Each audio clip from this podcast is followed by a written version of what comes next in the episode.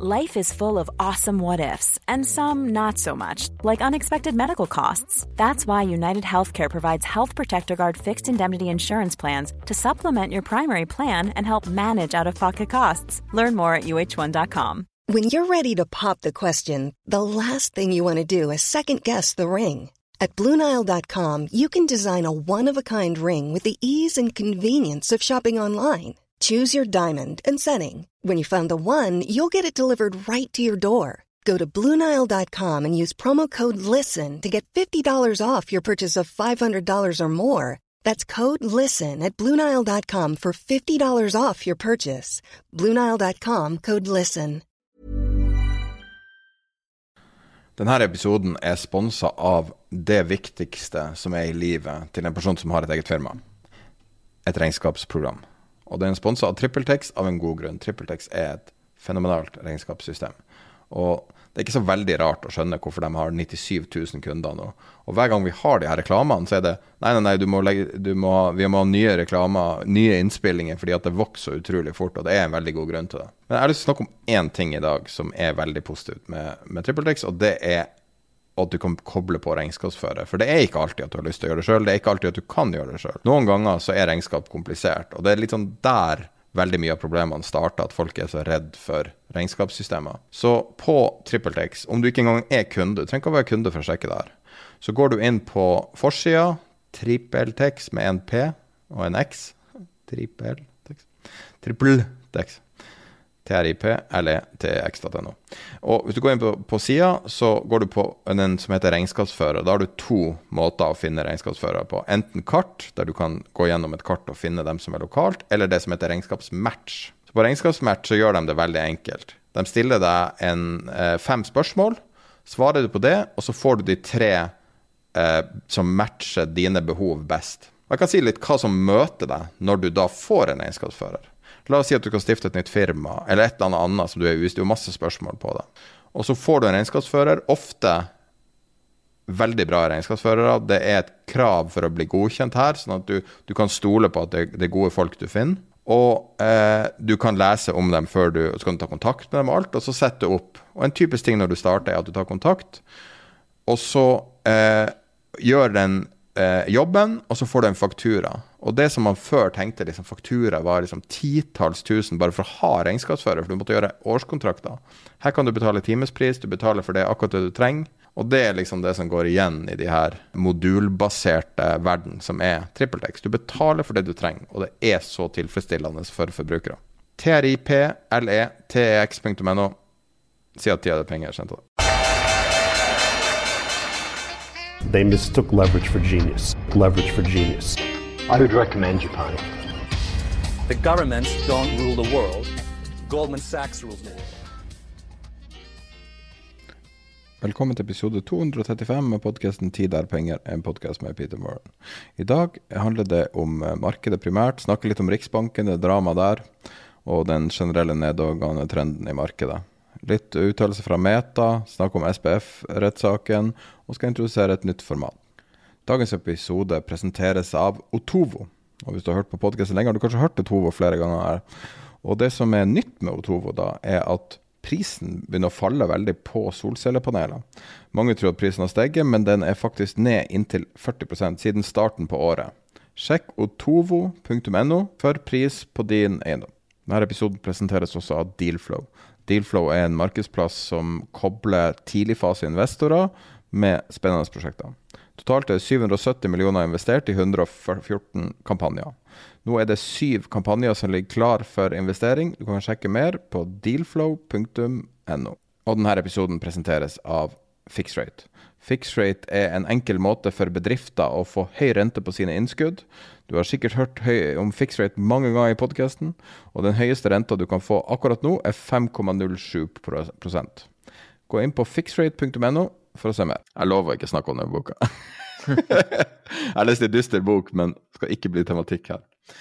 Eh, det har vært, um, vært en liten nedtur i markedet den siste tida. Det er vel ca. 10% for det brede markedet i USA. Og mm. trenden har vært nedover. Fortsetter sånn, gjør det ikke det? Jo, altså det, Det er jo egentlig bare som en konsekvens av, av en hel del av de tingene som vi har snakket om. Altså økt geopolitisk uro, altså som først dreide seg om, uh, om krigen og invasjonen av Ukraina fra, fra, Russlands side, eller i hvert fall forsøk på det. Um, så har det da spredd seg nå til, til Midtøsten, med uh, Israel-Gaza, som da eskalerer og eskalerer og eskalerer. Så ser du at ytterligere land begynner å nå engasjere seg, fordi de mener at, at brutaliteten er på ingen måte er, er forholdsmessig. Så det er jo det geopolitiske bildet. Og så skrev faktisk Sverre Strandhagen i DN en, en bra kronikk forleden hvor han snakket om at dette, altså USA blir spredt tynt her. altså USA har jo flyttet to hangarskip til, eh, til eh, Middelhavet, altså to battle groups. da, For med hangarskipene så er jo alle mulige support uh, fartøy, inkludert destroyere og ubåter og alt det de har. Så det er en veldig stor konsentrasjon av, av amerikanske ressurser i, i, Middelhavet i øyeblikket.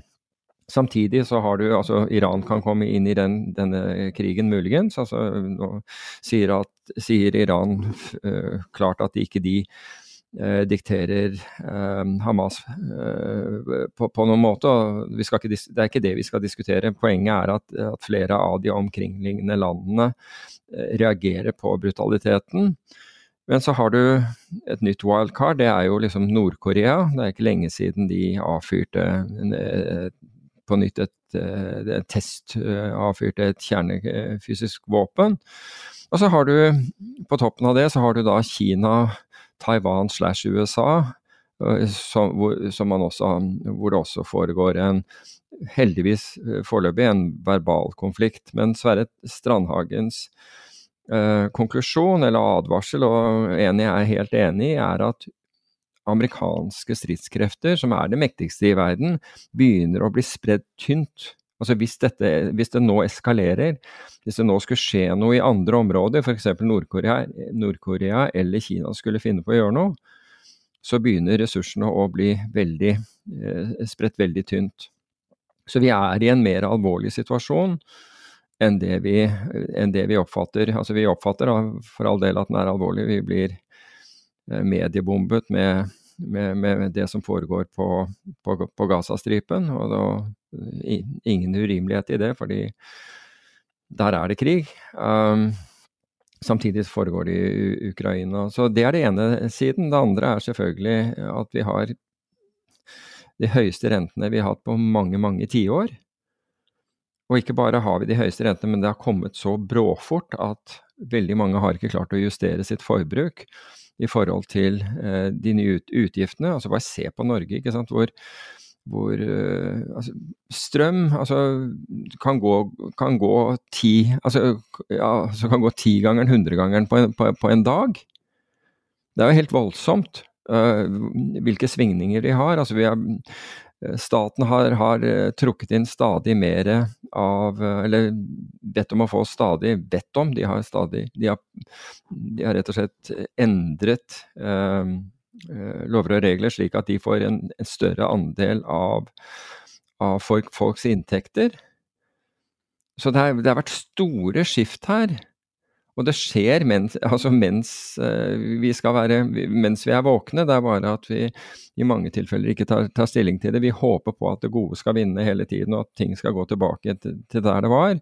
Men isteden så ser vi at det byg, by, brygger seg opp til, til, til, stadig verre. Altså Hvis du nå ser kombinasjonen av, av, av uh, av høye renter og den geopolitiske usikkerheten. Som, og økt geopolitisk usikkerhet betyr jo også at det er økt usikkerhet i forhold til å få levert eh, varer fra, fra, mange land. Så, og, og, noe som igjen kan være inflatorisk. Kronen fortsetter å falle. Så det er mye. altså Nå, nå snakker denne regjeringen om at eh, at uh, den, har måttet, den, den har måttet regjere i, i, i krisetider. Og, det, og, Jeg er enig i at, at de har det, men en del av disse krisene har de, har de også vært med på å skape selv. Uten at man skal bli altfor alt politiske. Men alt i alt så er det ikke noe rart at, at børsene eh, svekker, seg, eh, svekker seg når én aksjer i utgangspunktet var ikke billige, altså de var høyt priset i utgangspunktet. Og nummer to, kostnadene til bedriftene og til, og til konsumentene, som da, som da, til slutt skal kjøpe eh, det bedriftene produserer, flyr opp. Så det er ikke noe rart at ja, Det som har forbauset meg i dette, er, er egentlig at det har gått så treigt. At, at, tilbakegang har gått så tregt. Det er, og det, er, det syns jeg skiller veldig fra, fra, ting jeg har opplevd uh, tidligere. Men jeg tror, jeg tror, at en av forklaringene er at du sitter med veldig mange mennesker i, i markedet nå, og det gjelder altså i meglerhuset, i banker osv., som har kommet til etter finanskrisen, og dermed ikke har opplevd markeder som ikke blir kontinuerlig støttet av, eh, av sentralbanker, eller hvor sentralbanker eh, ikke kommer inn og, og, og med, med, skattebetalernes penger og, redder investorene. Det, det, det, er deres default, det er det de har blitt opp, eh, opp, det er det de er oppvokst med. Og da er det ikke så rart at ting går litt seinere enn, en det ellers ville ha gjort. Eh, du toucha så vidt innom atomtester. Og det er jo eh, ganske uvanlig egentlig at vi hører om det. At flere land samme uka teste atomvåpen. Russland kjører en atomdrill. Um, men det vi vet om, um, om sånn geopolitisk kommunikasjon, er jo at veldig ofte så er det kommunikasjoner i taler, f.eks. At de sier symbolske ting for mm. å prøve å sende et signal. Uh, og det er jo liksom en sånn kjent strategi, men så er det jo også det at man kan gjøre sånne tester. Uh, man kan gjøre og, og, og, rasle med sablene for å få gjennomført noe annet. Uh, hvordan tolker du det at det er så mange samtidig som plutselig begynner å snakke om atombombe, teste atomvåpen, i det hele tatt er ute og, og signaliserer at vi har det, vi også, på en måte? Ja, det, det, må oppfattes som urovekkende, tenker jeg. Um, det begynte jo med at, at Putin begynner altså hvis, hvis, du ser bortsett, bort fra Nord-Korea et øyeblikk, så, så, var det Putin som begynte å dra dette her inn i konflikten. Inn i, inn i, i krigen de har, med, de har igangsatt med, med Ukraina. Og med, med, med rett og slett true Vesten med atomvåpen. Og tror, jeg tror at det er taktisk veldig lite smart å, å true med det, for at the end of the day Hvis,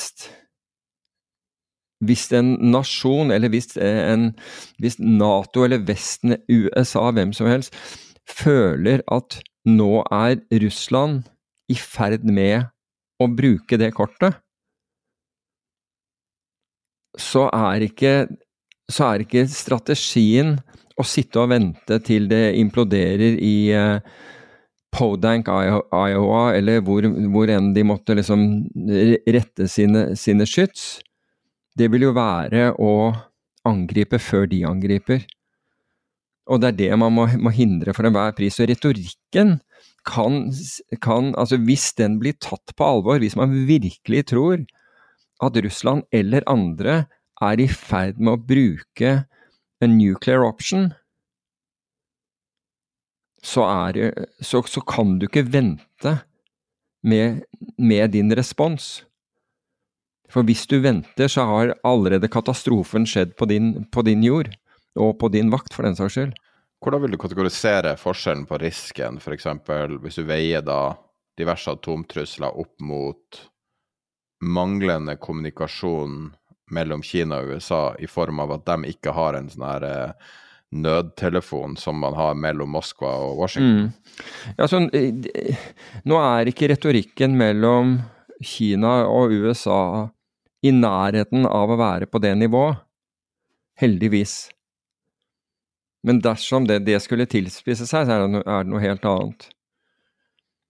Men USA og Kina begynte da med, med, med i vesentlig grad med, med, Trump, som eskalerte dette på handel og innførsel av tollmurer og nekte kinesiske selskaper inn i USA. Og, og, så har det gått til at amerikanske ikke skal, skal være i, um, i Kina, som Men, men, det har ikke gått til det militære. altså Det ville i så fall uh, være hvis Taiwan ble, uh, ble angrepet.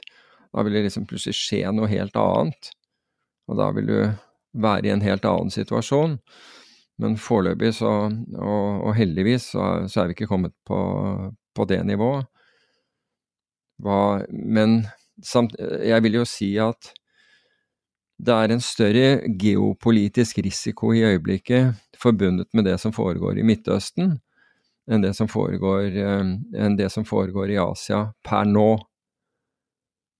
Fordi det, det, det viser ikke tegn til moderasjon. Tvert imot til tross for at så mange, gått, mange land har gått ut og, og manet til moderasjon, og, og spesielt at man, er, at man unngår sivile tap, så er, ingen, så, så er, det ingen, tegn til det. Tvert imot, det er tegn på det motsatte.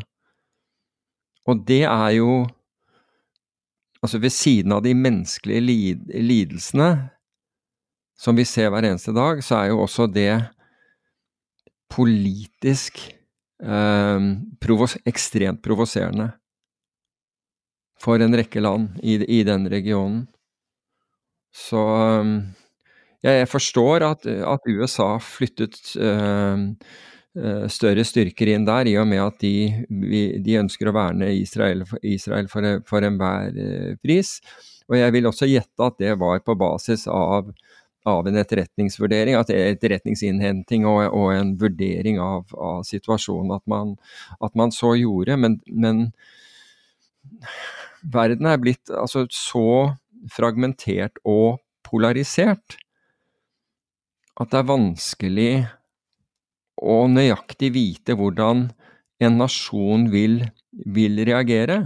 Altså vi bare ser, se, Bare i Norge så har vi jo hatt en altså, som, er, som, er, så fjernt fra, fra dette som, som, det nesten kan bli. Nå, nå tenker jeg geo, geografisk.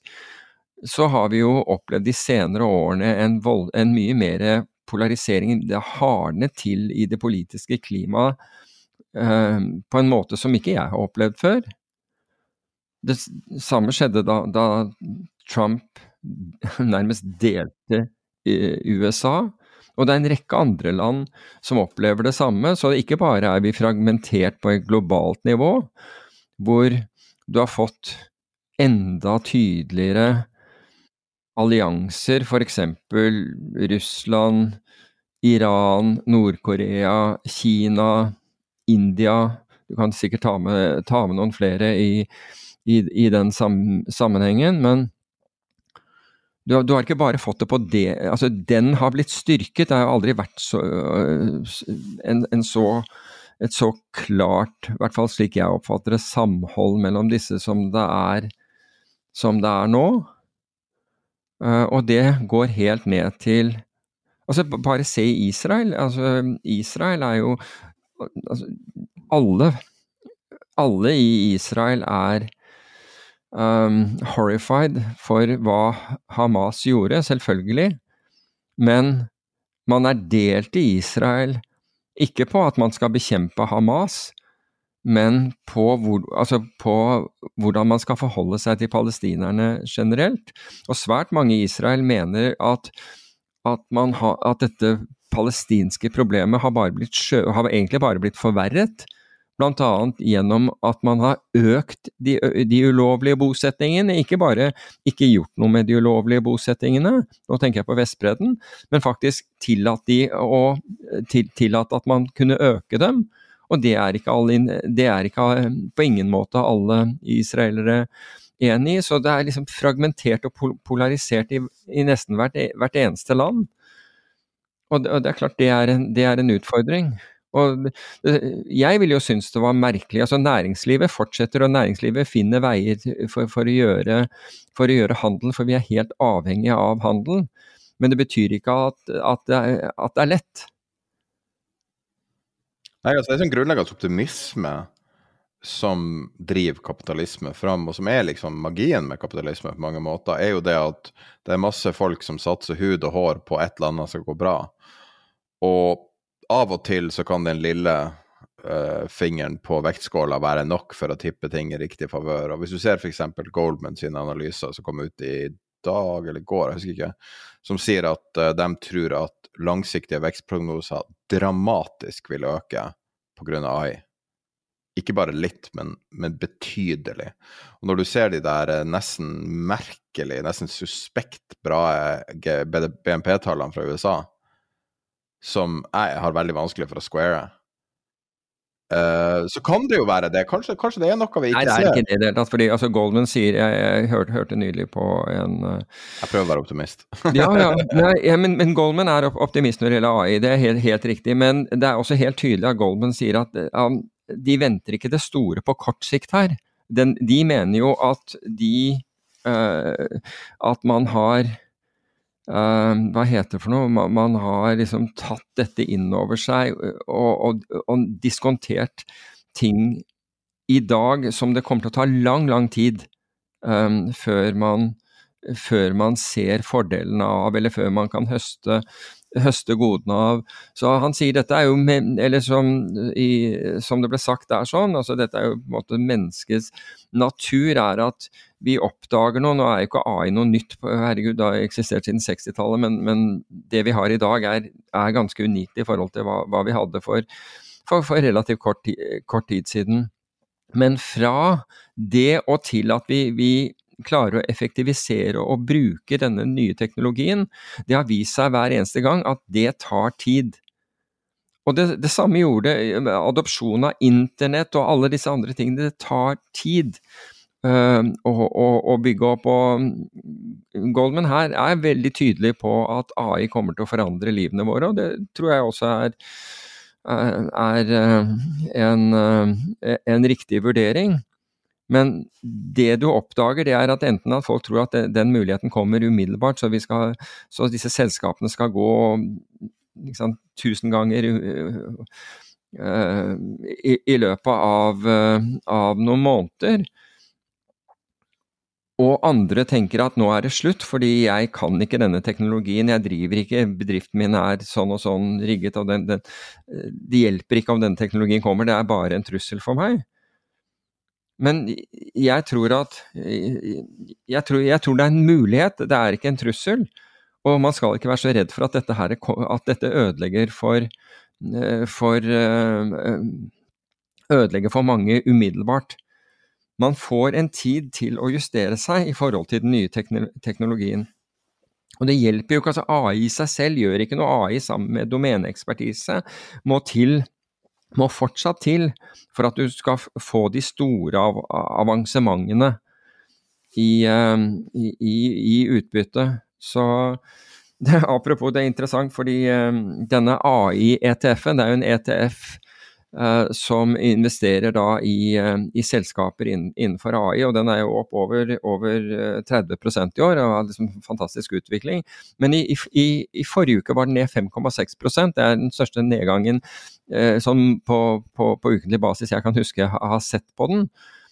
Og det tar jeg som et tegn på rett og slett at det er overdreven på akkurat samme måten som dotcom ble ekstremt overdrevet, internett, hele den biten ble overdrevet, fordi det er så mange som hiver seg på, bruker et uttrykk, passer på å få AI med i hva de driver med osv. Fordi altså alt eh, eh, det kan liksom sende kursen din på, på, selskapet ditt oppover. Altså Vi er litt i den der fasen der nå, men så begynner folk å se at nei, men hang on.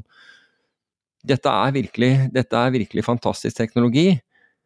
Men før vi faktisk ser dette på bunnlinjen, så kommer det til å gå noen år. Du vet hvem som ser det på bunnlinja allerede? Det er mange, det er, det er mange som har Men de har, de har, ligget i forkant en, en, stund. Men fortell meg. Det er cloud-providerne. Ja. Og det er, det er dem som selger i praksis energienheter. For når du kjøper deg en uh, når du kjøper deg en uh, sesjon hos en cloud, så kjøper du bare en bruk av en datamaskin i en viss tid. Og det du egentlig på en måte betaler for, er energien, på et vis. Ja. Og, og de har gjort investeringer i det her. Alle de store har forskjellige interfacer. Det er helt tydelig at forretningsmodellen der er, er bare helt spikra, mens alle de her startupene som driver og prøver å finne seg sin edge, ser eh, i beste fall ikke så veldig bærekraftig ut. Um, OpenAI har klart å innovere såpass mye fortsatt at de klarer å holde seg i front og prises jo fortsatt opp i sine runder. Men uh, det som de, de, smarte investorene sier, de som, som, jeg føler er verdt å høre på, sier at det her er de store de store playerne kommer til å vinne det her, og det kommer til å bli vanvittig effektivisering og masse, masse salg av de her enhetene. altså selv, ja, bruken av dem. Men uh, mens startuper og dem som prøver å være smart rundt det her, liksom, og være, dem kommer til å bli overkjørt av. Fordi at det går så fort i utvikling at du klarer ikke å, å bygge en AI-business nå. Det, det, jeg, jeg tror litt på den analysen. Ja, men jeg vil jo også si at altså, dette blir jo likt. Det er som du sier at dette bruker masse datakraft. Og nå skal vi jo i gang med kvantum computing også, hvis vi bare klarer å løse løse dette eh, problemet med, med, nedkjøling. Nå snakker vi om det for en Men akkurat hvis vi bare løser det Sånn har jo quantum ja. computing vært i ti år. jeg, jeg, vet det, men, men, poenget mitt er at i det øyeblikket altså, selv om vi løser, om vi løser øh, det med, med at, at, en quantum computer er, vil være som et kjøleskap som, som er iskaldt, fordi, det, fordi, du må ha så lav temperatur for å få dette til, til, til å, å, virke, og så må det være så, så, må du, så, må du, fjerne det fra all form for magnetisme osv. Men, men hvis, du løser, altså hvis du løser det problemet, så de som tjener på både AI og på at quantum computing eh, kommer online, vil være, vil være strømprodusenter, for å si det på den måten. For vi kommer til å bruke enormt helt enormt med, med, med Men dog, det er ikke helt sikkert, for det har vært effektiviseringer. Så det har vært eh, folk som har gjort liksom sånn 1000x effektivisering, i hvert fall teoretisk, mm. på de her prosessene. Så det kan komme prosesser som da gjør det på en annen måte. og og det er jo det som, altså det her er jo en veldig sånn multiplikatoreffekt. Ja. Så hvis man skal da, i en verden der alt er elendig for tida, hvis man skal finne et lyspunkt, så tror jeg AI kan være det. Jeg er ikke uenig. Jeg er ikke, jeg er ikke uenig.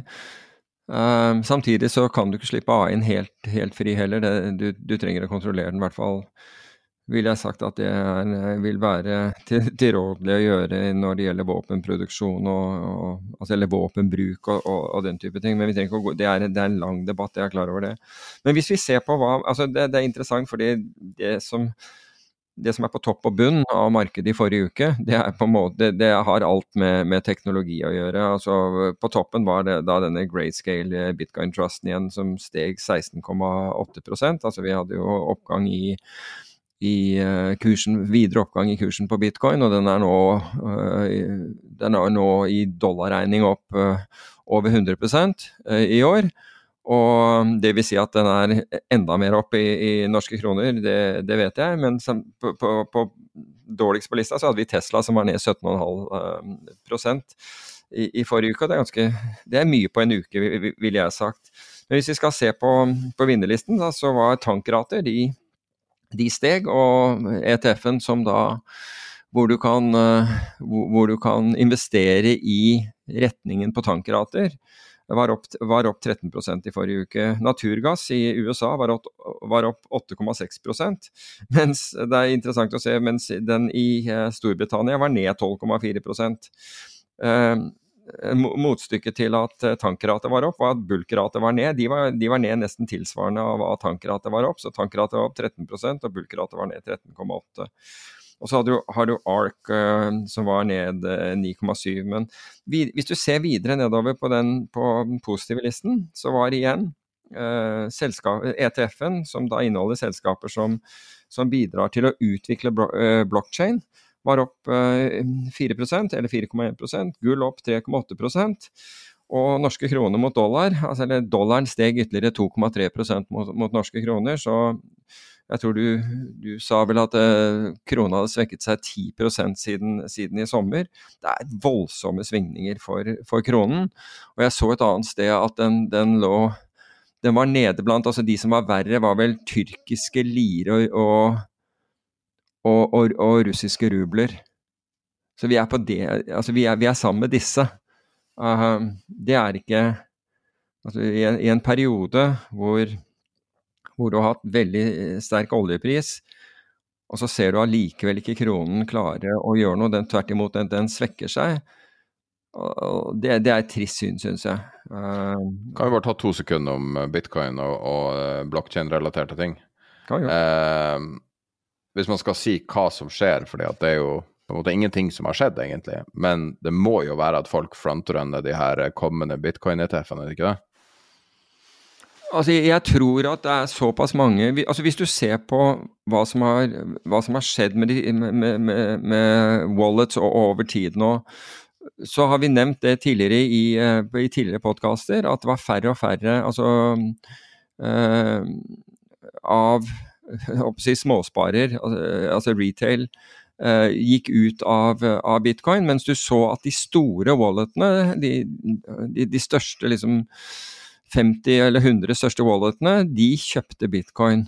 Fortsatte å kjøpe bitcoin, så de, de tok inn mer. Så du har ut av det så har du fått flere institusjonelle, altså hender som er villige og som er sterke nok til å sitte og holde på det, inn i Altså andelen bitcoin holdt av aktører som har råd til å sitte, på, sitte med det, uansett om, om, det svinger litt opp og ned, den har økt. Og så har de, de, de svake hendene, som er typisk belånte investorer og retail-investorer, de har blitt mindre og mindre. Og så har jo da en rekke finansinstitusjoner i USA, ikke minst øh, øh, oppfordret av den domsavgjørelsen som var i USA, hvor SEC fikk beskjed om at det var, at det var ulovlig av dem å, å, holde igjen og ikke tillate eh, bitcoin-ETF.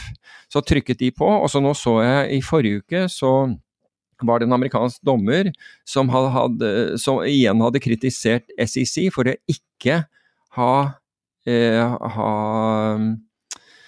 Hva heter det for noe? Ha, de, hadde ikke forholdt seg til dommen, med andre ord den, den dommen som, som tilsa. De, de, kunne jo anket, det har de ikke gjort. Uh, så de, At de ikke hadde forholdt seg til dommen, som var ganske klar, at SEC hadde ikke anledning til å gjøre hva de hadde, hva de hadde gjort, og dermed så må, må de gjøre noe med, med, situasjonen. Så det er nok uh, Altså, du kan nok si at du at det kan være en form for frontrunning av det, men samtidig så var det jo veldig mange som hadde kjøpt dette for lang, lang, lang tid siden. Nettopp fordi de forventet at, eh, at myndighetene ville gi tillatelse til å opprette bitcoin. Eh, spot bitcoin, altså, eh, altså, ikke futures, men, men, men rene bitcoin.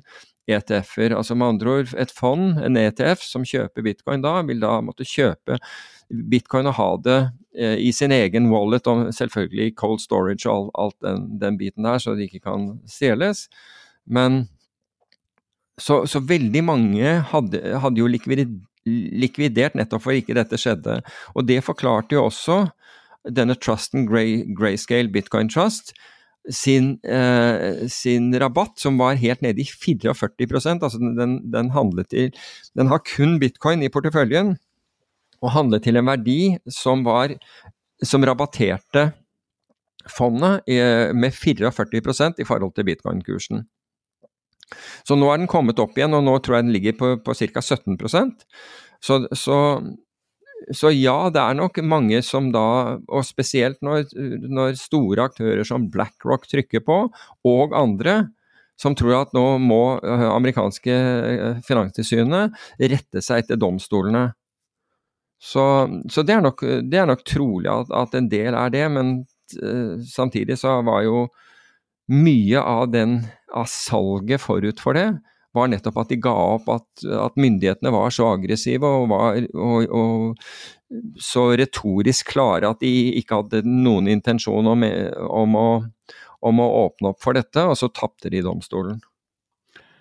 Jeg kan jo også minne folk, så jeg har jo sett at uh, for første gang på i hvert fall to år. Første gang jeg så noen spørre hvordan det er man kjøper bitcoin, fordi at de ser at det stiger. Så man kan jo ha i bakhodet at veldig ofte når det er store hendelser som er binære, som en innføring av ETF, så er det mulig at ting er prisa inn allerede, og du har en viss indikasjon på at det her er prisa inn, med tanke på at det er opp 30% på en halv måned.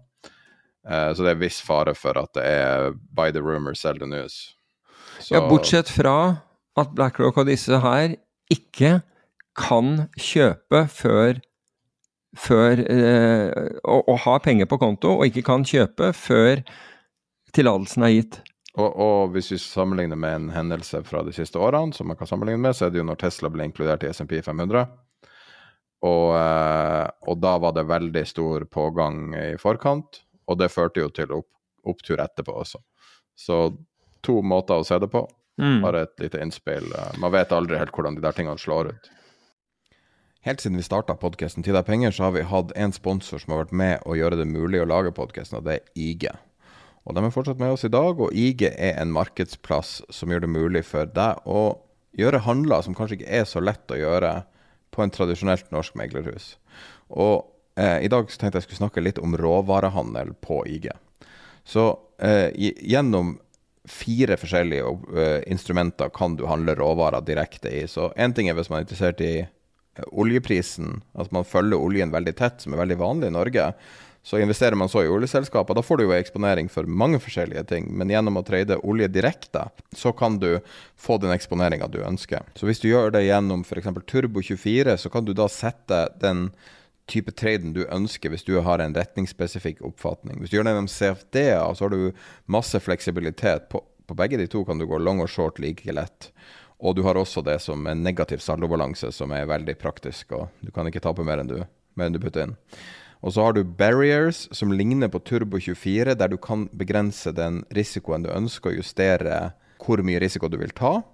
Og så har du vaniljeopsjoner, som de kaller det, som er tradisjonelle call og put-opsjoner på råvarer. Eh, så når du tenker på hva du har lyst til å handle av råvarer, så er det veldig mye. En veldig vanlig ting er gull. Som jeg nevnte, både amerikansk lettolje og nordsjøolje på deres system kalt US Crude og Brent Crude.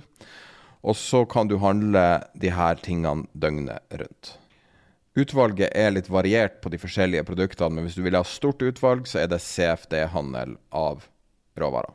Så da har du olje, naturgass, karbonutslipp, bensin, eh, heating oil, altså olje til oppvarming, London eh, gas oil. Du kan selvfølgelig handle gull, platinum, eh, palladium, sølv, kopper, i to forskjellige grader. Aluminium, jern, malm, bly altså, Tingen er at vi har ikke tid til å gå gjennom alle. Og så ikke minst de her forskjellige råvarene som er knytta til nettopp den inflasjonen du ser i butikken. Alle de, de såkalte myke råvarene, det som er mat. Så hvis du har lyst til å eksponere deg for konkret risiko i råvaremarkedet, så kan du gjøre det gjennom IG. Du kan lage konto på ig.com no. Det er viktig å presisere at det er veldig mye risiko knytta med trading, Ta risikoen på alvor. Invester det du kan tape, og begrens risiko. Begrens størrelsen på traden, kanskje.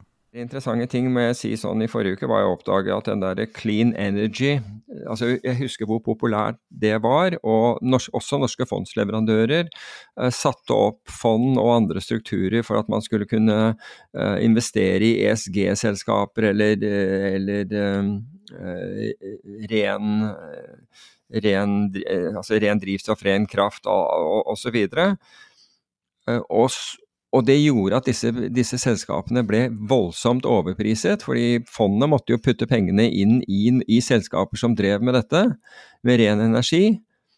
Og så fikk de en voldsom høy verdsettelse, og så kollapset det markedet.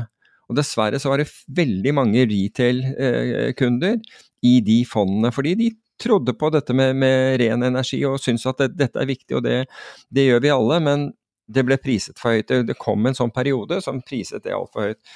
Men den, altså dette skjer fortsatt, så, bli, så, blir disse selskapene solgt ned. Og jeg så den Clean Energy ETF-en, den er ned 35 hittil i år. Og det, det syns jeg er et dramatisk fall, og det er, det er vanskelig liksom å å tenke seg at det ikke må være noe i blant de selskapene. Det er mulig at eh, porteføljen er dårlig, men det må jo være noe blant de selskapene som, som kan være attraktive, all den, tid, all den tid at vi skal den retningen. Men i forhold da til skitten energi, om du vil, altså med andre ord fossil eh, energi, så er jo da ETF-en for oljeselskaper opp 3 Equinor er opp 16% i år. Så det står i sånn grov kontrast, da, og det kan jo være at det er en long short-sak her på et eller annet eh, tidspunkt. Jeg, jo, jeg, må jo si at jeg er skuffet over å se at eh, Jeg har ingen investeringer i, eh, i eh, den clean energy-ETF-en, bare så det er helt klart. Men jeg er skuffet over å se at den, altså det fortsetter å selges og selges. Altså det er, jo, jeg tror at, at de skinnhellige er skyld i at det, av, den ubalansen som, som, ble skapt. Det ene er at alle begynte å, betale vanvittige priser for, for, grønne selskaper, men samtidig så begynte de da å straffe den fossile eh, eh, de, som, de som lette etter og, og ut, utvant utvin, Drev og utvant? Ut, hva heter det for noe? Uh, heter ikke å utvinne? Jo, det gjør ut, ut, utvinne olje og You're on your own. ja, ja. I'm on my own. Ja. Uh, dårlig grammatikk der fra, fra, mitt vedkommende. Men husker du at man fikk ikke, de fikk ikke lån? Altså selskaper som drev innenfor, uh, innenfor leting, seismologi osv. De, altså, de selskapene gikk kjempedårlig. Og det var rett og slett fordi eh, det, det var umulig å få finansiering. Borres, eh, altså drillingselskaper, alle trynet jo. Og så fant man ut at det var ikke nok energi. Eh, ikke minst pga. den situasjonen som skjedde i, da, da, Russland invaderte Ukraina. Men det bare viser hvor sårbare vi er. Og, og hvis vi ikke tenker mer helhetlig, hvilken sårbar situasjon vi, vi, kunne ha satt oss i. Hadde fjoråret vært en iskald eh, vinter, så hadde det nærmest vært katastrofalt for, for deler av uh, Europa. Skal vi snakke om Riksbanken? Ja, svenske Riksbanken. Um, de er i trøbbel. ja, de er i trøbbel. Og det virker ikke som så mange folk har fått med seg. Nei, um, og de er jo Det var, det var jo for øvrig Uh, Frank Nielsen som sendte meg, meg, den her også, som jeg uh, som uh, kommuniké fra den svenske riksbanken, som nærmest tyder på at den er nær insolvent. Altså, og, men før man hopper i stolen av det, så, så handler dette her om at hvis man gjør en mark to market på på obligasjonene som den svenske riksbanken sitter på. Med andre ord, de har falt voldsomt i verdi pga. Av, eh, av renteoppgangen. Så, så er den tom for penger. Eh, så kan du argumentere med er det riktig å gjøre en mark to market på, en, på sentralbanker overhodet. Men hvis vi først tar årsaken til at Riksbanken befinner seg i denne eh, situasjonen, en situasjon som garantert føles også av ECB. Jeg vil tro Bank of England føler det. Uh, det samme med den australske uh, sentralbanken, uh, Federal Reserve osv. Det har med kvantitative lettelser å gjøre. Og under de kvantitative lettelsene så kjøpte man jo opp obligasjoner Eh, i enorme mengder for å presse renten lavere. Hensikten var eh, for å tvinge oss, altså vi som er sparere, pensjonskasser så vel som privatpersoner, du ville få eh, tvinge oss over rett og slett til å kjøpe aksjer, til å ta mer risiko med pengene våre. Og dermed så, så istedenfor å vedta en lov eller gjøre en skatteendring eller et eller annet uh, slikt, så gjør man det på den måten at Eh, sentralbankene kjøper da opp enorme mengder med eh, statsobligasjoner, og gjennom det så går kursen opp og, og renten ned. Og etter hvert så flyttet man jo da penger, i hvert fall en del flyttet jo penger da over i selskapsobligasjoner som da har en, har en noe høyere rente, for det er gjerne det er et påslag på toppen av sentralbankrenten. Men da var det jo flere av disse sentralbankene som også begynte å kjøpe Eh, investment grade, altså selskapsobligasjoner, for å, for, for, for å tvinge deg helt over, over, i aksjemarkedet. Så denne øvelsen har da gjort at sentralbankene sitter med enorme beholdninger av statsobligasjoner som nå har Altså på kurser som er mye lavere enn dagens kurs. Uh, og, eller dagens kurs er mye lavere enn en, en der de kjøpte. Og det vil si at hvis du betraktet dem som, som en hvilken som helst annen bank, så vil du ha mark to market på den porteføljen, altså daglige verdsettelser på den porteføljen. Og hvis den da, eh, og, det må du rapportere, og da vil du se at de var under vann, og andre vil da måtte stille med mer sikkerhet, mer kapital, for, at, eh, for å eh, trygge bankens soliditet og, likviditet. Og det er jo akkurat det som har skjedd i USA ved at eh, etter at eh, Silvergate eh, gikk over ende, så ble det oppdaget at veldig mange amerikanske banker hadde kjøpt disse obligasjonene. De hadde, de hadde lånt, lånt, kort, altså korte penger, og plassert det i obligasjoner som hadde lav rente. Så steg renten på, på, på, på korte innlån, og det gjorde at de, at de hadde ikke eh, når, At eh, rentekostnaden deres eh, var mye høyere enn hva de fikk for disse obligasjonene, og så, så de, de, gikk inn i en voldsom negativ spiral. Noe som gjorde at den amerikanske sentralbanken måtte inn og, og, intervenere, altså staten måtte inn og intervenere for å redde bankene i USA. De fikk da lov å å, å, låne ut disse, eller stille disse obligasjonene som sikkerhet for, for, lån i den amerikanske sentralbanken. Så de kunne da stille obligasjoner som da, la oss si, var verdt eh, eh, 60% av pålydende eh, som sikkerhet, og få låne 100% av pålydende. Det er ganske spesielt, men, det, men det var, var, var, den måten man gjorde det på. Så har da Riksbanken gått, og, uh, gått i seg selv, altså den svenske Riksbanken, og, og sagt at den er nå under vann pga. dette. For svenske Riksbanken drev også med kvantitative lettelser.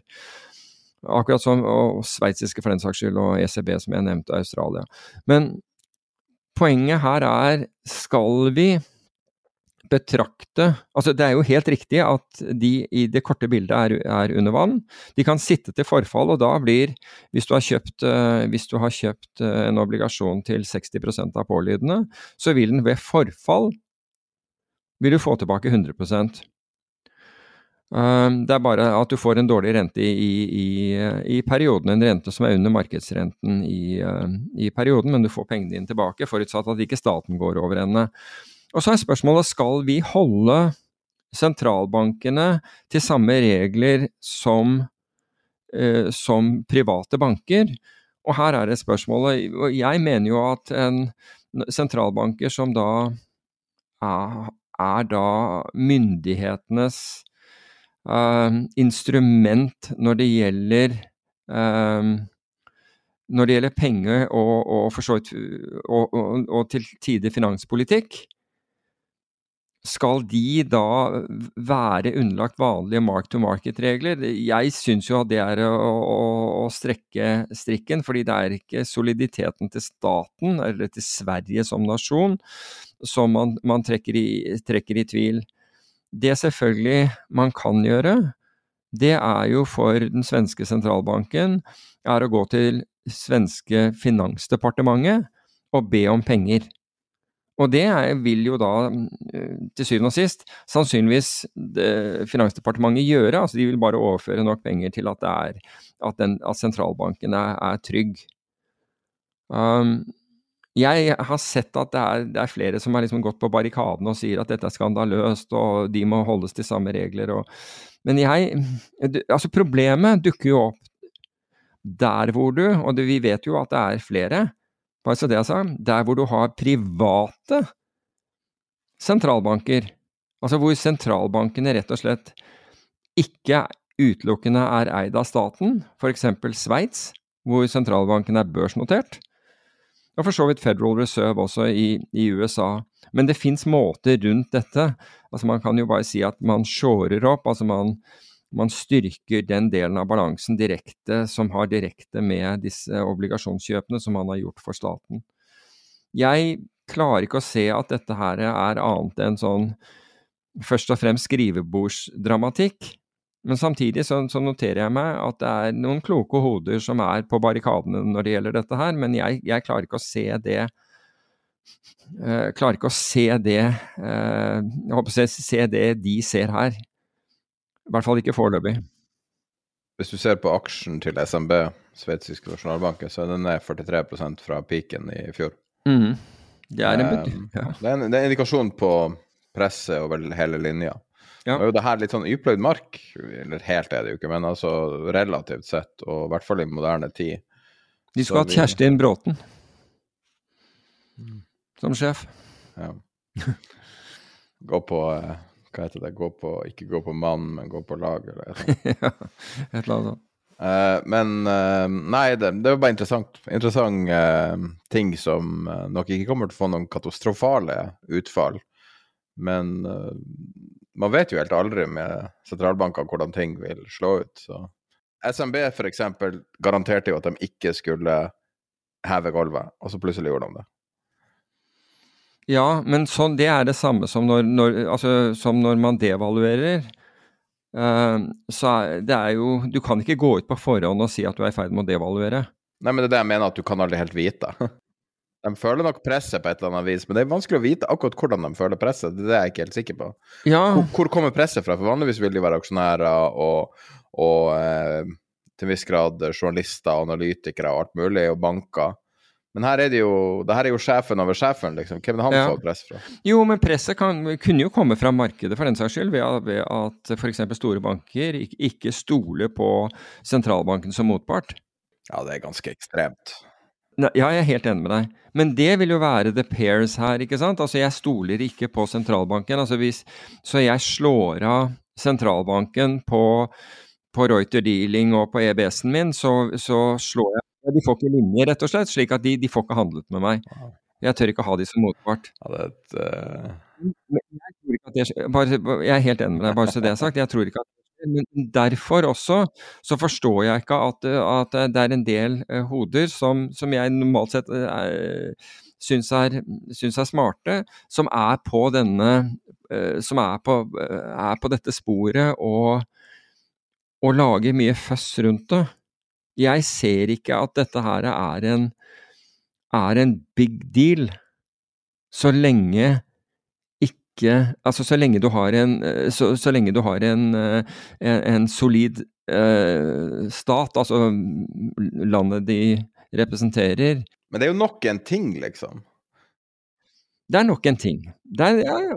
Hvis vi vil, så kan vi gå og spa opp alle mulige slags sånne obskure og relativt lite obskure indikatorer som peker på at ting kanskje er dystert. og Uh, men, men, det er liksom, det er ingen merverdi i det. Og så må vi da ta liksom et valg og prøve å søke og finne en balansert syn på det her.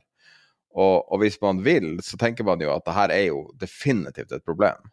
Jo, altså vi kunne jo også tatt den rollen. Vi kunne jo også sagt det der. altså Vi kunne jo også sagt altså eh, Brakt dette her opp og, og, og vært enig med de som, som, som har liksom dratt dratt denne, den, denne, problemstillingen opp, da, eller i hvert fall som har, har begynt å fokusere og, og, proklamere rundt denne, eh, denne, problemstillingen. Jeg føler ikke Men jeg, altså fra vårt ståsted, vi, vi, vi er jo agnostiske i forhold til egentlig retninger på markeder og, og, og, den type ting. Vi er ikke agnostiske i forhold til vårt eget syn på ting, men vi er i utgangspunktet agnostiske. Vi har ikke noen sånn veldig bias, altså annet enn at vi, både du og jeg vil at planeten skal overleve. Men Kan ikke vi ta og snakke om noe litt lystigere, eller? Du har snakka om han eh, som eh, leste alle de chartene.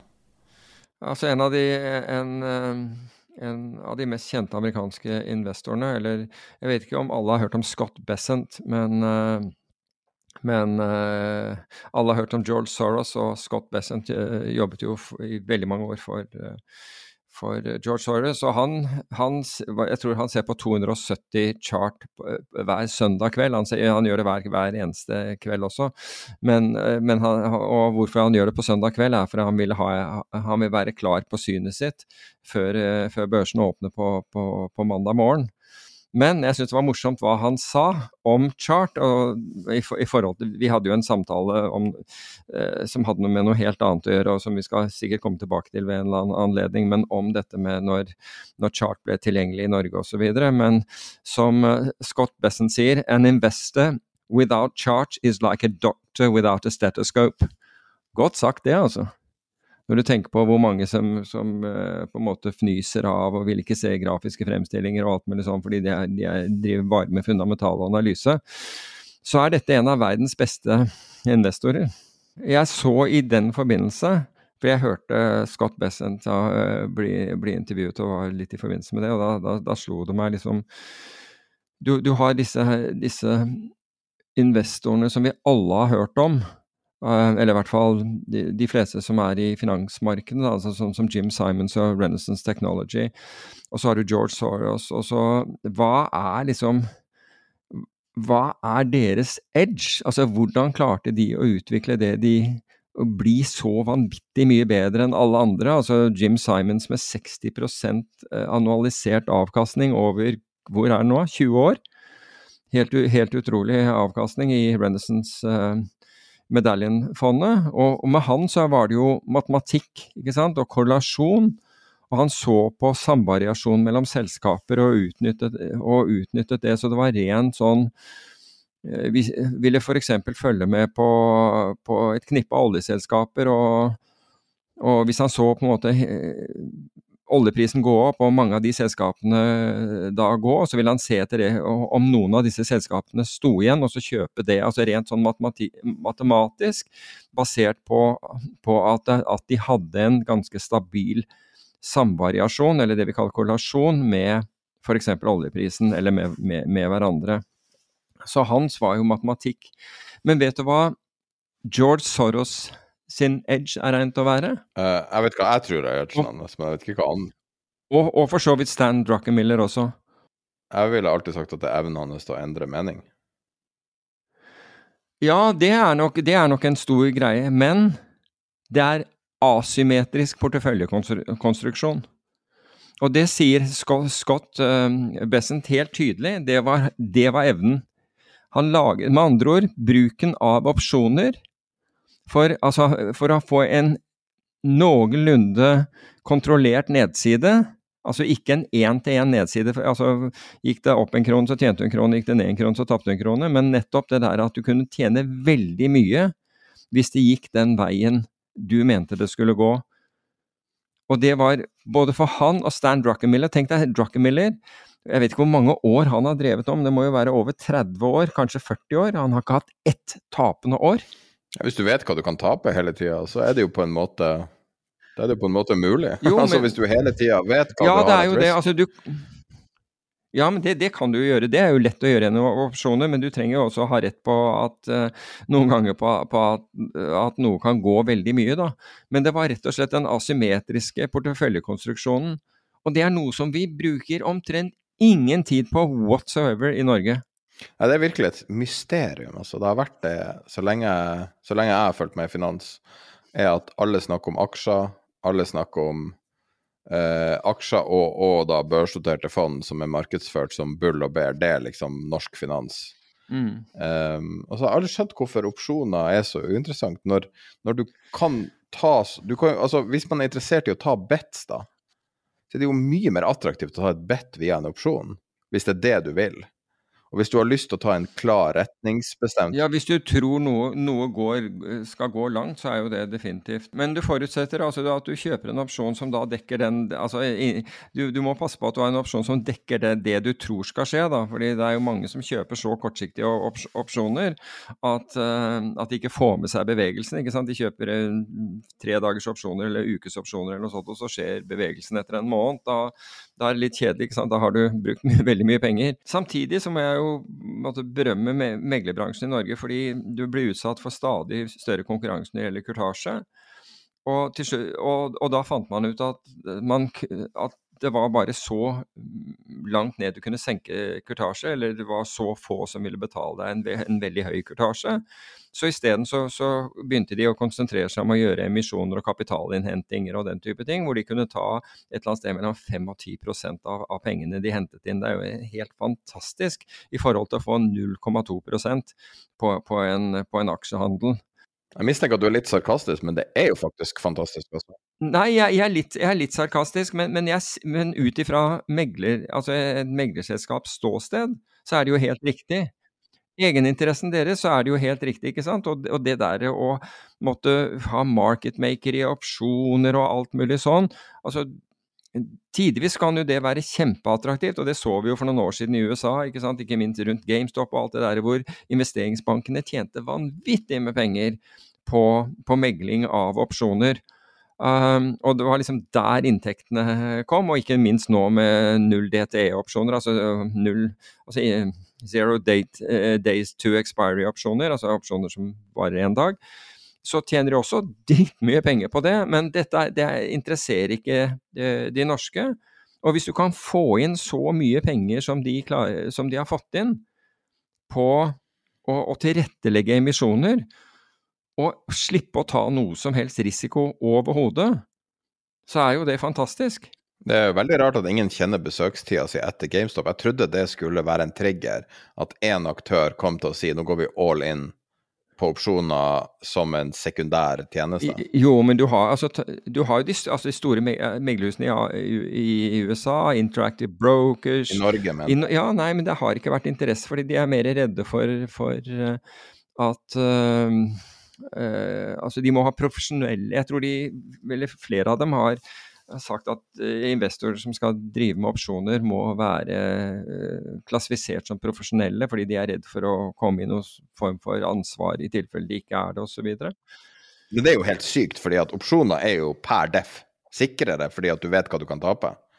Ja, men du kan jo også tape alltid. Når du kan tape 87% på, på det som absolutt ikke var farlig, nemlig eiendom, så, så kan du Så er jeg helt enig, ikke sant, men Du kan jo bare forhindre folk å utstede opsjoner, så er det noe greit. Ja, det, ja, det er jeg helt enig i. at du, det, det, det er én ting du kan gjøre. Å si at skal du utstede opsjoner, så må du være klassifisert som et eller annet. Men noen må jo utstede disse opsjonene. Det kan ikke bare være markedmakeren, for da ender han å være short, uh, short volatilitet og short gamma i alt han driver med. Og det, det og over tid så det er jo bare et tidsspørsmål før et eller annet virkelig drar, da. Og da Jo, men altså, herregud, det finnes det vel nok av meglerhus som har lyst til å ha sånn business i Norge?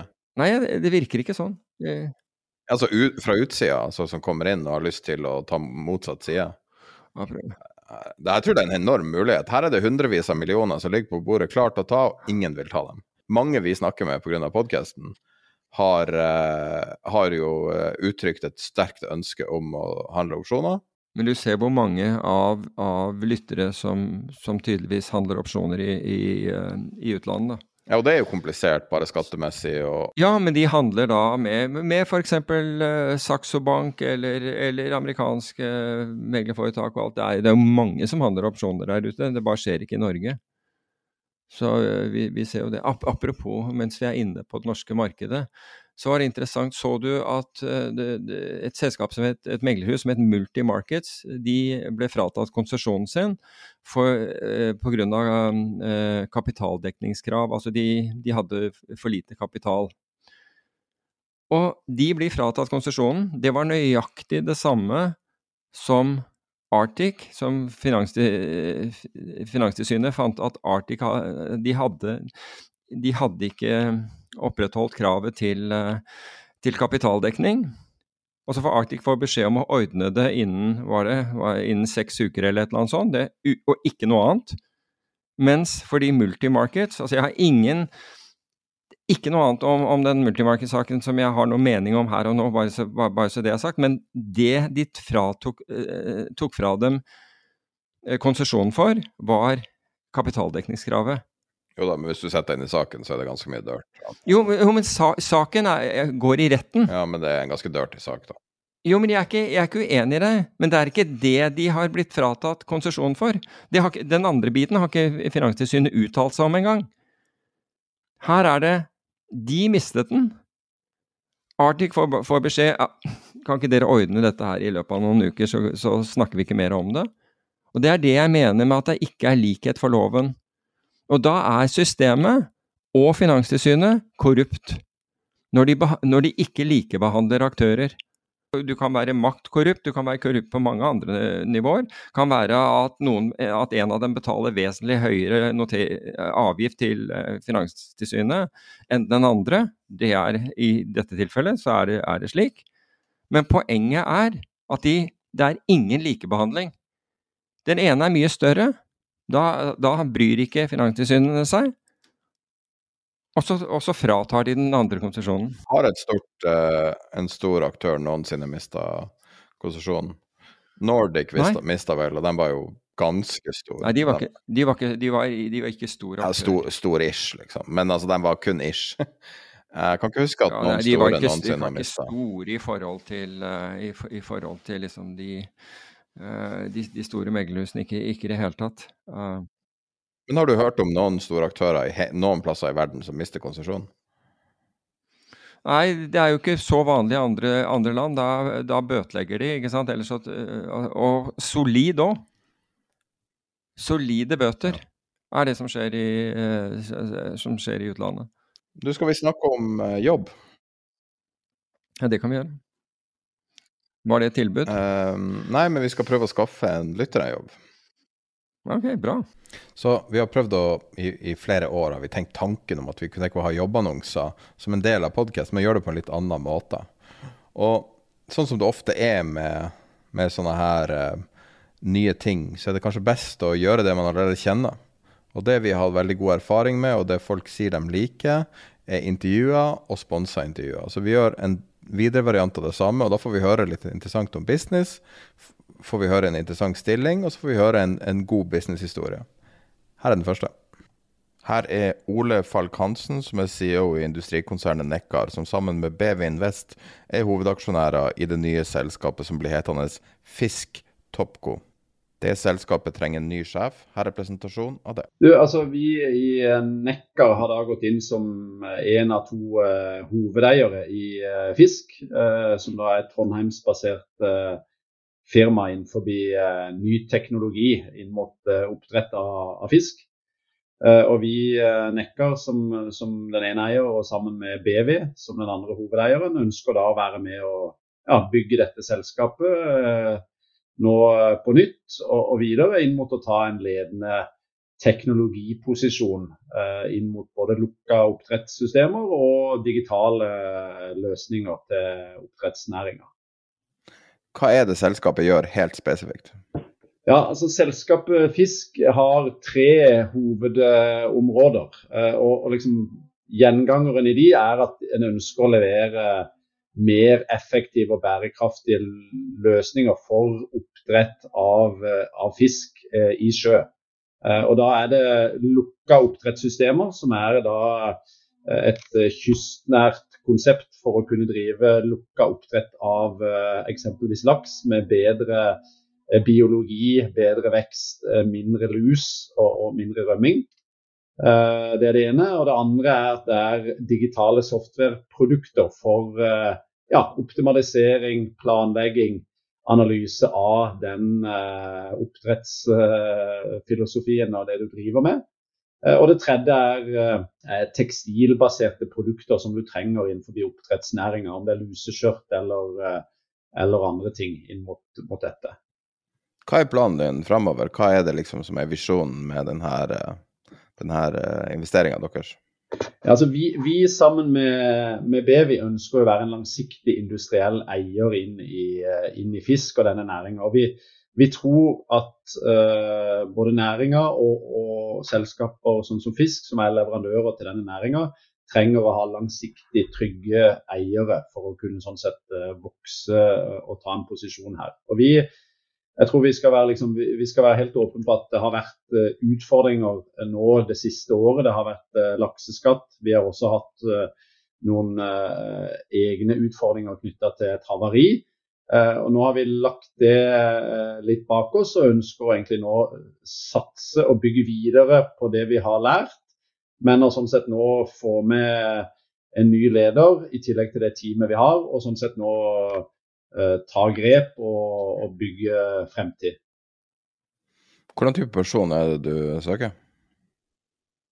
Ja, vi, vi, trenger en som, uh, som sånn sett uh, for det første har liksom passion for å bygge industri og være en, en, liksom en teamspiller inn i å lage en, en god aktør innenfor oppdrett og leverandørindustrien. Så vi ser jo etter en som er ja, må være strukturert strategisk, også ha operasjonell erfaring fra liksom å å kunne lede enten store prosjekter og, eller, eller sånn sett fabrikker, og sånn sett sammen med det teamet som er der, sette en retning og levere på den retninga nå gjennom de neste, neste årene. Da håper jeg vi hjelper deg å finne noen eh, gode kandidater.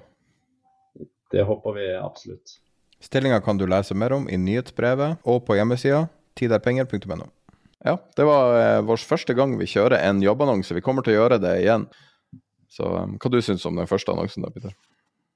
Jo, altså du får jo mye mer color i, en, eh, i, både hva selskapet driver med og hva som forventes av den de ansetter på den måten. Så jeg syns det var en, var en god og interessant måte å gjøre det på, absolutt.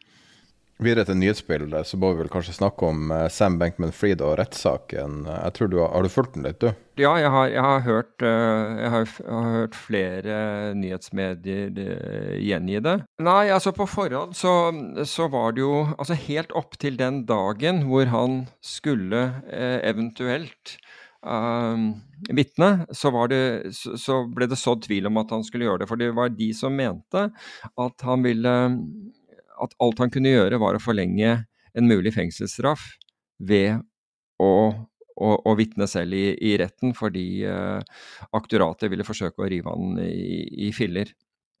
Men i hvert fall første dagen Nå er det jo altså nå er det mandag i dag. Er det ikke, er det ikke ferdig i morgen, tror jeg? Jeg har ikke helt oversikt. Jeg, jeg tror det, men, uh, men i hvert fall uh, i det, det, det, var stor tvil om det, men han, han virket veldig godt forberedt. Han var, han var, rolig. Og han var flink til å snakke for seg og flink til å forklare mange forskjellige ting. Og snakket seg ikke bort fra ting, men han forklarte helt opplagt ting som han var uh, uenig i. Og sa, han, uh, sa, da at han var uh, uenig i den fremstillingen, eller at fremstillingen var feil. Men som en del sa etterpå, var jo at og som jeg tror også dommeren ble frustrert av, i hvert fall ble det nevnt i, i to nyhetsmedier, var at han Du trodde på måten han, han, han, svarte på, at han hadde svart på spørsmålet, men når du tenkte om, så hadde han faktisk ikke svart på det i det hele tatt. Uh, og ifølge Michael Lewis, som da satt i rettssalen den, enten den aller siste dagen i forrige uke, altså enten, jeg tror han var der torsdag og fredag, hvis ikke så var det bare fredag. Han sa at det er akkurat som han hadde opplevd Sam Bankman-Fried på Bahamas også, når, altså under de intervjuene han gjorde i forkant av den boken han skrev. Så var det jo akkurat det samme at han Du ville stille han et spørsmål, men så forsto du først i ettertid at han hadde svart på noe helt, helt, annet. Så dommeren så tydeligvis litt igjennom det der og ble ganske frustrert over, uh, over det. da. La meg sitere et par overskrifter. Ja. Sam Bankman-Fried can't shut up. His word salad answers were almost 70% longer than the, the, average of his three FTX lieutenants. The Sam mm. Bankman-Fried testimony that never was. Uh, Uh, Sam Bankman Fried says he was surprised by FTX 8 billion dollar balance sheet hole. mm. Jeg tror ikke de er journalistene uh, i diverse Financial Times, uh, Fortune og Blockworks var ikke så veldig imponert over. Nei, nei det, kan, det, kan, godt være. Altså, det gjenspeiler omtrent det eh, mitt inntrykk for så vidt også, annet at, at han var veldig altså, han var veldig rolig og, og tilsynelatende pedagogisk, for han måtte forklare en del eh, begreper eh, som da dommer og jury ikke, for, ikke forsto. Og det gjorde han visstnok veldig bra. Men, eh, men, det andre er akkurat som, eh, som, som du sier. Nå har det seg slik at av de 8,1 milliarder som dette sorte hullet, så er jo Ikke det at det, det forandrer ikke saken, men det, nå gjenstår det jeg tror det er 1,4 milliarder. som man ikke, De andre pengene er kommet til rette. De, de har funnet dem på forskjellige børser, altså som sikkerhet osv. Men en av de tingene som Sam Bankman-Fried hevdet, og som ga FTX en mulighet til å gjøre uh, forskjellige ting med pengene som, som, var på altså investorenes penger, var at dette var penger i forbindelse med terminkontrakter, altså det var sikkerhet uh, for terminkontrakter. Og han har da rett i, i utgangspunktet, at børser uh, investerer de pengene for, for, å, for, å, å, tjene, for å tjene penger på dem. Det er, det er, det er ikke uvanlig at, at, børser gjør, så de har en frihet når det er sikkerhetsmargin det er snakk om. Og Det kan også forklare at disse pengene dukker opp på børser som de gjør, hvor de, hvor de faktisk ligger på børser og har ligget der hele, hele tiden. Det som ikke kan bortforklares, uh, det er at softwaret til Alameda, altså det som connected Alameda til FTX Alameda da er da det hedgefondet hvor uh, Caroline Ellison uh, satt. Det hadde anledning til å gå inn og låne penger av FTX direkte.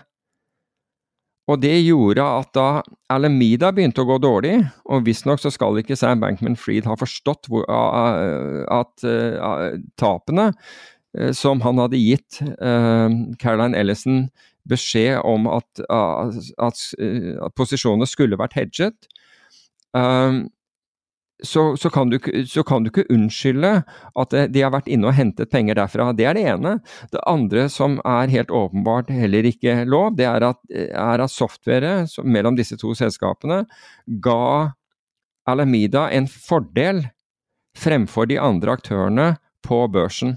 Med andre ord, de kunne se handler før andre å reagere på handler før andre. Det er jo også altså, Nå gjorde jo New York Stock Exchange det samme for, for, for, en del år tilbake igjen, men det ble slått kraftig ned på.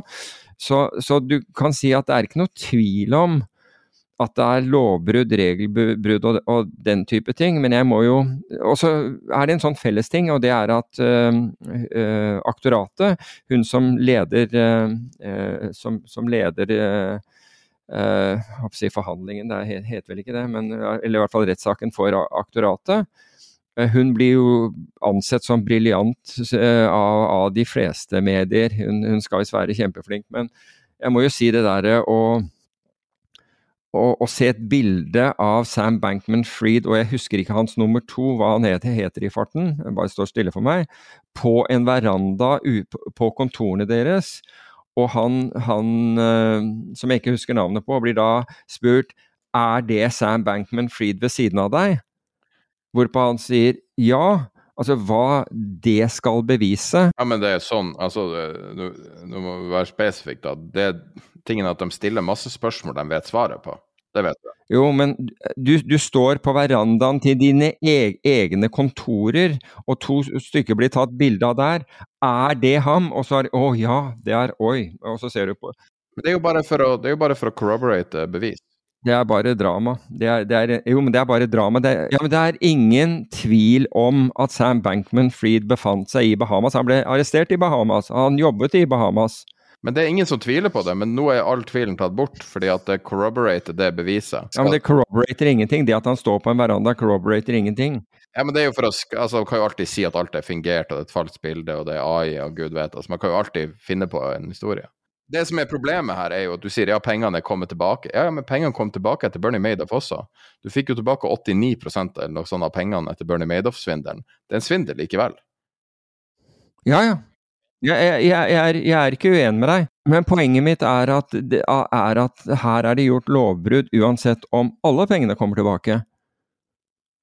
Så uansett om alle pengene skulle komme tilbake, så er det utvilsomt, altså i hvert fall etter de forklaringene som har vært gjort, begått lovbrudd. Stor del av pengene er kommet tilbake igjen, men uansett så er det lovbrudd. Jeg har ikke, jeg har ikke noe forhold til han, jeg har ikke tapt noe penger på han, jeg har ikke vunnet noe penger på han heller. Jeg, I couldn't care less.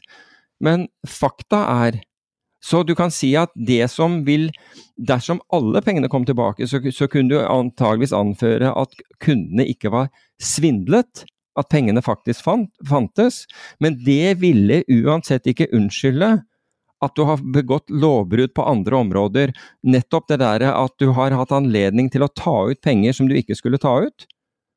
Fordi pengene fra FTX skulle ikke gå til å dekke til å, til å, dekke underskudd hos Alamida, og det at de forfordelte Alamida i forhold til andre eh, hos FTX, det vil jo ikke, vil vil ikke komme unna uansett. Så, men hvem det er som blir til syvende og sist dømt for dette? Høyst sannsynlig han. Men jeg har vanskelig for å tro at de andre, at de andre slipper unna, altså. Men kan jeg stille deg et spørsmål? Hva er yrket til en som driver med awesome knowledge transfer? Uh, det er jo en, det er en person som fikk jobben sin i et nullrentemiljø. Nei, det er ikke det. Vet, vet, du hva han har som yrke? Det er Amerikanerne har sånn fantastiske titler. Jeg, er, jeg blir gølva over amerikanske uh, oppfinnsomhet. Vet du hva vedkommende er? Han driver med awesome knowledge transfer. Han er Lærer. Verken mer eller mindre. Han er lærer. Awesome Knowledge Transfer. Hva er jobben din? AKT. Å, oh, wow. Det tre, tre bokstaver, det må jo være noe government-greier, tenker man liksom. Nei, nei, det er, eh, det er, det, det er hva, hva, de, hva, lærere kaller seg. Det er bra. Eller én lærer, vil jeg tro. Only, ja, det er godt. Nei, jeg har hørt det flere, men uh... En uh, ganske kjent stortingspolitiker var min lærer uh, på ungdomsskolen. Kult. Og, ja. og, og, jeg husker fortsatt hva han sa, for han, han skulle, liksom, han skulle ha sånne artige historier. Og da sa han at han, han kunne tre språk. Norsk, engelsk og business swahili. Og det føler jeg er litt det føler jeg var litt sånn eh, samme ull. Sånn. Det er en sånn line han har dratt 10 000 ganger. Det er omtrent like Det vekker like mye tillit som Awesome Knowledge Transfer. Ja, jeg syns det er jeg synes det var Hver gang jeg ser han i avisa, så irriterer jeg meg litt over den der vitsen jeg hørte for, for 20-25 år siden. Ellers så så jeg at uh, Bill Ackman hadde, hadde pocketed, altså uh, tjent 200 millioner dollar på, på å være short amerikanske statsobligasjoner. Du nevnte jo da han hadde dekket seg inn, uh, som var hva er det for noe, to uker siden han dekket seg inn, eller et eller annet sånt. Han dekka seg inn på toppen, på 5% omtrent. ja, ja, så det var jo dritbra. Altså på toppen av renten på bånn av obligasjoner som han var short. Og, og fondet hans er opp 11,6% hittil i år. Ja, kanskje litt skuffet over det du kjempe, hvis du hadde et stort bett i akkurat uh, amerikansk stat. Men jeg så på det børsnoterte fondet han har. Som er blant annet av alle steder børsnotert i, uh, i, i Amsterdam. De er opp kun 2,7 altså dette, Og det skal være eh, et fond som da pari pesu med, med, med, med det, dette fondet som er opp 11,6. Det er bare opp 2,7% og, og årsaken er bl.a. at den har en 38% rabatt til, eh, til Nav, altså til, eh, til verdien i fondet. Fordi du, du, du, kan ikke komme ut av fond, du kan ikke innløse. Du er nødt til å selge, i tilfelle selge aksjene dine på børs. Og den handler til 38% rabatt. Jeg spurte for øvrig Boas Weinstein, som da riktignok er en venn av Bill Ackman, hvorfor han ikke engasjerte seg i, eh, i, eh, i akkurat den, eh, i, i akkurat den, den konstellasjonen der, for han kjøper jo opp Uh, selskaper som handler med, eller fond som handler med, med, med, rabatt, lukkede fond som handler med rabatt. Og han sa det var fordi Bill satt på alle aksjene, så, så du, du, fikk ikke stemmerett. Så han har, uh, Bill Ackman har konstruert den, den uh, det special purpose vehicle, eller hva man skal kalle det, den børsnoterte, på, på, en veldig, veldig, lur måte. Men det må jo være skuffende. Det burde jo begynne å gå inn på han også, at dette her handler med en 38% rabatt. Det er ikke fair overfor investorene, det. altså. Så, men vi får nå se om Hvor det ender hen, annen. Nei, det, altså han kunne jo kjøpe altså Det er vanskelig i og med at han sitter på, all, på, på, på alle de stemmerett, eh, stemmerettsaksjene, så er det jo vanskelig for investorene å gjøre noe. Men uh, det Bill Ackman kunne gjøre, er selvfølgelig å, å komme med et bud og si at han kjøper de for 10 rabatt, da, eller 20% rabatt eller noe sånt, og da vil jo plutselig da, da, vil man komme ut til vesentlig bedre kurser enn man kunne nå, og samtidig så vil jo fondet hans få den, få den eh, avkastningen. Så det vil bli en, en kjempeavkastning for, for, fondet ved at man kunne kjøpe de samme posisjonene for en lavere pris. Så, så jeg, vet ikke, jeg vet ikke hvordan han tenker, men det, det, må jo være litt sånn, litt sånn besk smak i munnen. og, og at den er opp 2,7 mens, mens, eh, mens, det fondet kan, hvor du kan tegne innløse månedlig, er opp 11,6, tenker jeg. Jeg har en følelse av at Bill Eckman har uh, rimelig mye salt i grøten. Ja, det tror jeg også, og, og nettopp derfor. Hvorfor ikke gjøre, altså hvorfor ikke prøve å bringe det inn på en eller annen måte? Sånn at, uh, at uh, å gjøre disse investorene fornøyd. Er ikke han multimilliardær? Jo, det tror jeg. Det tror jeg selv etter Herbalife og alt det der andre som ikke gikk så bra. Du hadde rett på Herbalife. Jeg, altså det der, jeg er ikke uenig med deg, jeg er ikke uenig med deg, men han, han tapte fryktelig mye penger på det. Og det er også når du ser hvem som betta mot han. Mm.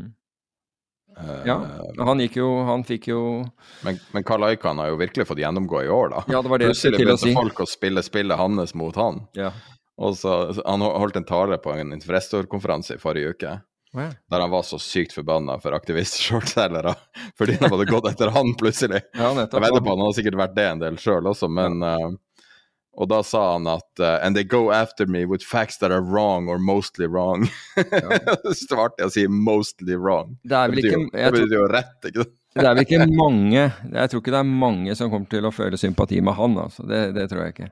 Ja, det mest hevngjerrige mennesket jeg kan tenke meg. Ja, altså så Ja, så brutal og Hva heter det for noe på norsk, da? Er nærmest vulgære i måten å gjøre det på. Og han er jo en av de karakterene som var eh, Det var vel tre karakterer som han, eh, han Karakteren i filmen Wall Street var basert på. Korrekt. Michael Milken og han og en siste, jeg husker ikke hvem siste var. Ja, siste var vi en hedgefondforvalter. Jeg prøver å huske navnet på han i, altså, men It eludes me i øyeblikket. Ja, men det var jo eh, Altså, det er jo ikke akkurat spesielt. Det var ikke han uh, Hva het han der Åh, Asherman, hva het Hva het han der Åh. Uff. Det prøver jeg. jeg Jeg vet godt hvem han andre er i samme bransje som, som Icon. Uh, oh God, hva er han heter? det? Nei, jeg kommer ikke på, på navnet. Jeg, jeg, traff han én gang, og det, det var på, på 80-tallet. Det var en kar med et russisk navn, tror jeg. Nei, han uh... Jeg kan bare slå det opp, da. Ja, det er noe sånn i oh, eh, eh, Noe av Ovich et eller annet, tror jeg. Nei, nei, nei ikke han jeg tenker på. Edelman, Asher Edelman er navnet hans. Asher Edelman var, eh, var en av dem. Og han har, har, vi vel ikke hørt om på siden. Ivan Boski var jeg tenkte på. Ja, Boski uh, var, det er helt riktig. Ivan Boski var, var, den siste, det er helt riktig. Så det, det var loosely based på Owen Morrissey, som kjente Oliver Stone.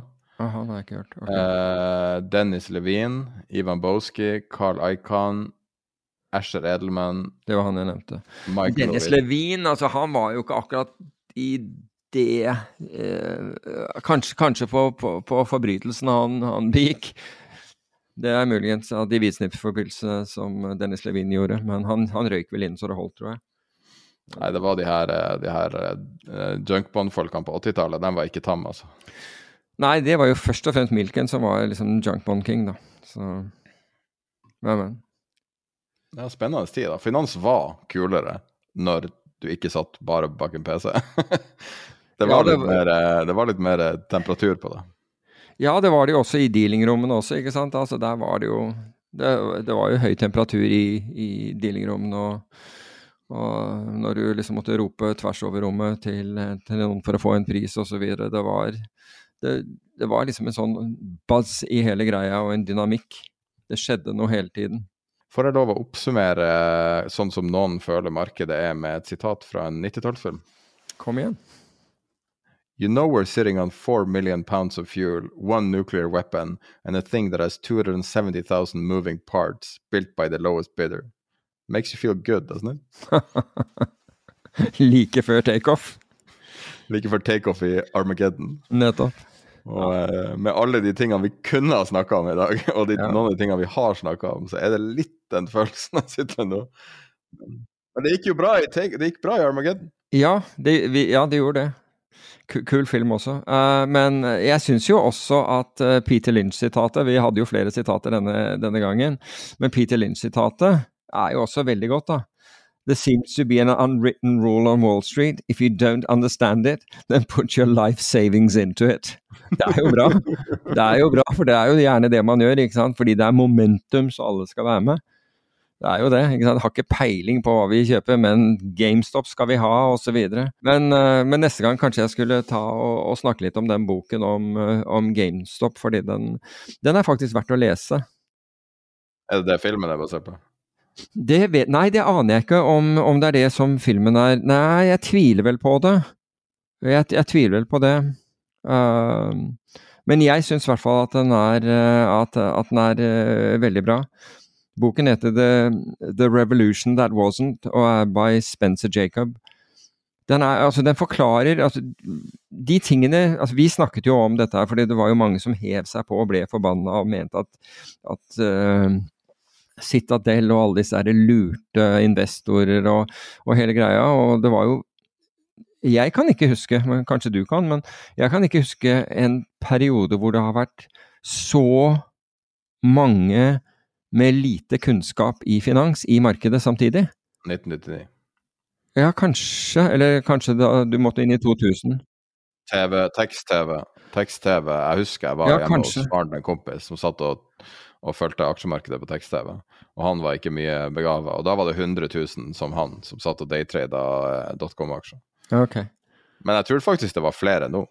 Ja, det virket sånn, men husker du altså hvordan folk Og vi fikk jo de med sinte mailene og ble bedt om å forklare ting og alt mulig sånn, og hvor, hvor urettferdig systemet var. Og de folk forsto rett og slett ikke hvordan en markedsplass og en børs og hvordan, hvordan meglerhus virket, og, og kapitaldekningskrav som de måtte ha. Det, det, det kunne ingenting om det, men de var alle ute i sosiale medier og, og kritiserte.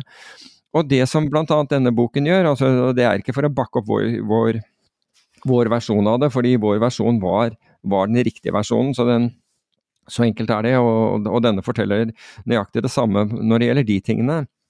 Men den gir veldig mye mer color på hva som foregikk. Mange ting der som, ikke, som, som, eh, jeg ikke visste, og i hvert fall ikke i, i den eh, detalj, av ting som eh, som foregikk både på det politiske nivå, fordi man fikk jo Politikere hev seg jo på, og det ble jo kongresshøringer, og det var liksom ikke måte på hva som skjedde i forbindelse med, med den GameStop-biten.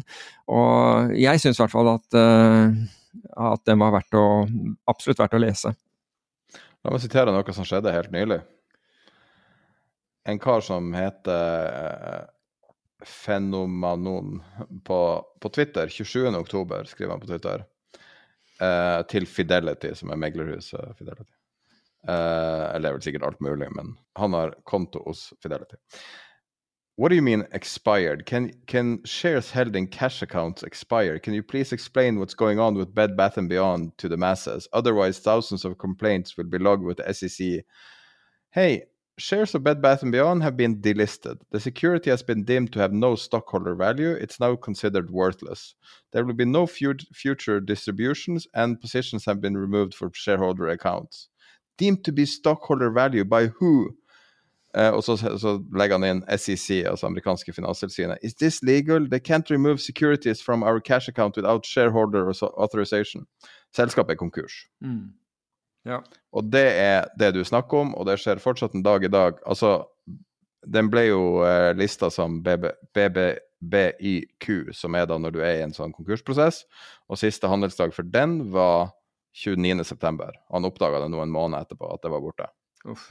Og det er det som er prisen her. Og, og Bed Bath Beyond var Det falt 100% og det var vanvittig høyt priser, masse omtale, og Nokia var det samme, og mange andre av de aksjene som folk bare oppdaga pga. at de ble manipulert av andre folk. Fordi selv om du finner dem på internett, så kan du bli manipulert av dem. Selv om du finner rådet på internett, så kan det være at den personen som sier det, begår en kriminell handling med å manipulere markedet. Mm. Og det var det som skjedde. Og bare fordi at det var en 19-årig influen 19 influenser, så betyr ikke det at det er noe annet enn at Goldman Sachs gjør det. Ulovlig manipulasjon er ulovlig manipulasjon. Ja, ja. Og det var så mye folk som tapte penger, og det var så mye folk som kunne ha blitt interessert i finans hvis de hadde blitt introdusert på en bedre måte, som sikkert er bitter resten av livet for det her. Tapte alle pengene sine. Men i den boken jeg nevnte, så er det jo også tilfeller da at botter drar i gang da nye såkalte sånne GameStop-situasjoner, altså hvor de hevder at et eller annet selskap har enorm short-interesse, og nå skal vi kjøre det og hele greia. Så viser det seg at dette er rene uh, botter, altså programmerte uh, botter, som, som, kjører dette her ut. Det er, ikke, det er ikke noen person, eller det er jo sikkert eh, noen kriminelle bak det for, for den, den, saks skyld. Og det kjører opp aksjer som da Ingen sjekker om, om, det stemmer, og så viser det seg i et av de tilfellene så hadde de mindre enn 2% short-interesse flytter jo ikke aksjene en, en, millimeter. Eller flytter jo sikkert litt opp, men det var for å få, for å få uh, disse folkene som hadde frontrunnet det og satt ut ryktet, for at de skulle tjene penger. Så Det blir jo liksom å høre begrepet 'fill or kill' og anklage folk for å være en morder. ja, ja. Jeg skjønner hva du mener. Fordi at alt er emosjonelt ladda. Ja. Du hører shorting. Så tenker du, Hvordan kan det være mer shorting enn det er aksjer? Og, og, du forstår ikke hvordan det fungerer. Du bruker ikke ett sekund på å sette deg inn, og du begynner å anklage folk for svindel. Ja. Det ja. skjedde jo nylig, forresten. Så uh, Nei, jeg tror det er lurt å holde seg til det man uh, Enten lære seg en ny ting, eller holde seg til det man kan. Ja, eller, eller, så må du bare skrive det der opp på kontoen for voksenopplæring og si at ok, det var jækla dumt, og det kosta noen kroner, men jeg lærte noe nytt. Det skal jeg ikke gjøre igjen. Det, det, det, er jo også en grunn til at når du snakker med finansfolk, f.eks. deg, så kommer man veldig ofte tilbake til det samme poenget. Her er alle bøkene du burde lese. På mm. Tid er penger, hvis du føler deg Så har vi ei bokliste. Ja, det er sant. Hvis du går på tiderpenger.no, og så klikker du på den lille hamburgermenyen oppe til høyre, og så der er det bøker, en kategori der. Og der står ca. 100 bøker som er de av forskjellige årsaker anbefalt til det. Noen er eh, veldig lettlest, veldig gode historier. Andre er relativt tunge finansbøker. Men eh, eh å sette seg ned og lese en tre, fire, fem av de her, det, det, det, er du veldig tjent med. fordi at å, å lære seg ting på YouTube eller, eh, eller, TikTok, når det kommer til de her tingene, så møter du veldig ofte noen som skal selge deg noe bullshit. Mm. Og det er ikke så mange av de her influenserne som har det, ditt beste. Det finnes noen av dem, da, men det er ikke så mange av dem som har ditt beste uh, i sine tanker når de setter opp de her systemene. Som regel, hvis det er lett og det ser bra ut, og de snakker om hvor rik du skal bli, så er det bare bullshit. Men vi burde få ført opp den The, the Revolution That Wasn't på, det, på, den listen, for jeg syns den er verdt å ha der. Jeg vil ikke nødvendigvis si at den boken til Michael Lewis om, om Sam Bankman-Fried er verdt å ha der. Nå er det en annen en som også har skrevet visstnok en bok om uh, Bankman-Fried. Det er mulig at jeg leser den, og så se om den, den kan være bedre for å, for, for å forstå hva, hva, det var som skjedde i, i forkant der. Men skal du lese noen bøker, da, hvis du aldri har lest en finansbok? Begynn med Jack Schwager.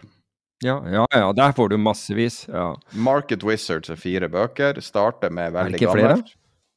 Ja, det er fem nå, tror jeg. Stemmer. Ja, det er i hvert fall det. Ja, altså, det er jo The Hedge Fund Market Wizards ja, hele greia. Den originale Ja, du har den Market Wizards originale. Top mm. Trader, så har du New Market Wizards.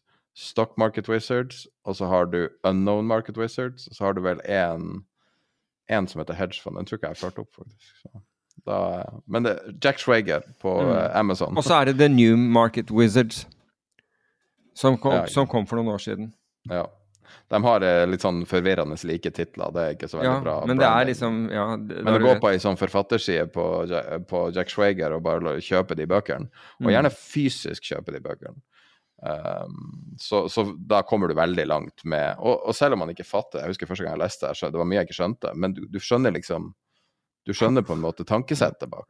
Ja, altså det er jo mange tradere som, som, som forteller sine historier, som er kjempeinteressant uh, i de bøkene til Schweger. Uh, uh, har vi 'Trillions' der av Robin Wigglesworth? Nei, den ble satt opp før Skal vi se om det er Nei, det Den burde vi også ha der, syns jeg. Ja, vi skal legge det til. Ja. Nei, Vi har prøvd forskjellige ting. Vi hadde jo en sånn virtuell bokhandel, men den, det var, vi brukte en, en ekstern leverandør til det, men de slutta med det. Så, så, da har vi bare ført opp ei liste, så du kan kjøpe mm. det hvor du vil. En morsom en er for øvrig også Street Freak av Jared Dillian. Jared Dillian har uh, han, han, Jobbet ikke han for uh, Steve Cohn, Jeg tror han røyket på et eller annet, ja, men han har vært rådgiver Jeg tror han var faktisk var rådgiver for, for Billions i USA også en periode, for Aaron Sorkin. Men, The Quant er en bra bok. The Quant er en kjempebra bok. Spesielt når du skal forstå overgangen fra Black Edge, da. Ja, du skal forstå overgangen fra gammeldags til ny finans. Absolutt. Så syns jeg det er en fin eh, For da får du litt sånn eh, sett fra et førstepersonsperspektiv. Helt enig. Unknown Market Wizards er det en som heter. Ja. Det er vel den siste, tenker jeg. Jeg bare ser på listen som jeg har jeg scroller litt gjennom nå um, altså Nasim Taleb er jo noe veldig mange graviterer til. Det er jo mer sånn teoretisk, da. Ja, men da vil jeg da, Jeg syns helt opplagt at uh, Fooled by Randomness er den beste av hans bøker. Og jeg vet Der, er det mange som er enig med. Jeg syns det er mye bedre enn Black Swan. Jeg mener å huske at More Money Than God var veldig bra. More Money Than God var veldig bra. Det er uh, Malaby, det er det ikke det? Ja. ja. Ja, ja, den er kjempebra. Litt i det her, eh, så det er ikke alltid like lett å skille dem. Sebastian men, eh, Malaby, men det ikke den heter? Jeg tror den heter The Futures, tror jeg det var ei som het. Ja, her, ja. The Futures var også veldig bra, hvis du skal forstå Flash Crash av, Flash Crash av Liam Wan er veldig bra. Den, den omhandler da uh, The Flash Crash i 2010. Kjempebra. Billion Dollar Whale mener jeg husker var bra. Jeg kvier meg for å anbefale Michael Lewis, seriøst. Ja, men, jo, men du, altså, i tilfelle så kan du i tilfelle anbefale første boka, da. Ja, og Boomerang er bra. Altså, alle bøkene hans var jo bra. Jeg syns, mm. det snudde med Flashboys. Da syns jeg det var annerledes. Men fram til da var det jo helt flott. Ja, jeg, jeg, skjønner hva du sier. Hva du sier. Det, er en bedre, det er en bedre en om, om det. Barbarians at the Gate, apropos vi snakka om Gordon Gekko. Ja, men mm. gammel, men bra. Mm. Den er jo RJR Nabisco når, uh, når de uh, Altså det her med LBO altså LBO-crazen som var da, der folk kjøpte selskaper med sin egen gjeld. Mm. Um, og så Bethany McLean, alt hun skriver, er jo bra. Ja, jeg er helt enig, og i hvert fall det om, om Enron. Det var kjempebra. Vi har ikke ført opp den der Goldman-boka til han Cohen. Den burde vi ha. Ja, den, den, den var veldig bra. Ja, den, er, uh, den, den, har jeg jo et eller annet her. Skal jeg fortelle akkurat hva den heter? for den... Uh... Og så har du veldig tunge opsjonsbøker du inn, som, som da er vel ja. altså Opsjoner er jo tungt stoff, men det er jo helt ja, essensielt. Men, det, men hvis du først skal drive og holde på med det, så, så, gjelder det å lære seg det. Så enkelt er det. Du må bruke, bruke litt tid og krefter. Du liker jo Straight to Hell veldig godt, gjør du ikke det? Jo, den, jo, den har jo den, Men den, den, har jo spesielt en insane morsom scene. Som skjer om det var sånn Byside-bok, var det ikke det? Jo, den er dritmorsom. Eller den er egentlig selvside. Gutta er selvside. De er selvside. De er jo Morgan Stanley-folk. Ja.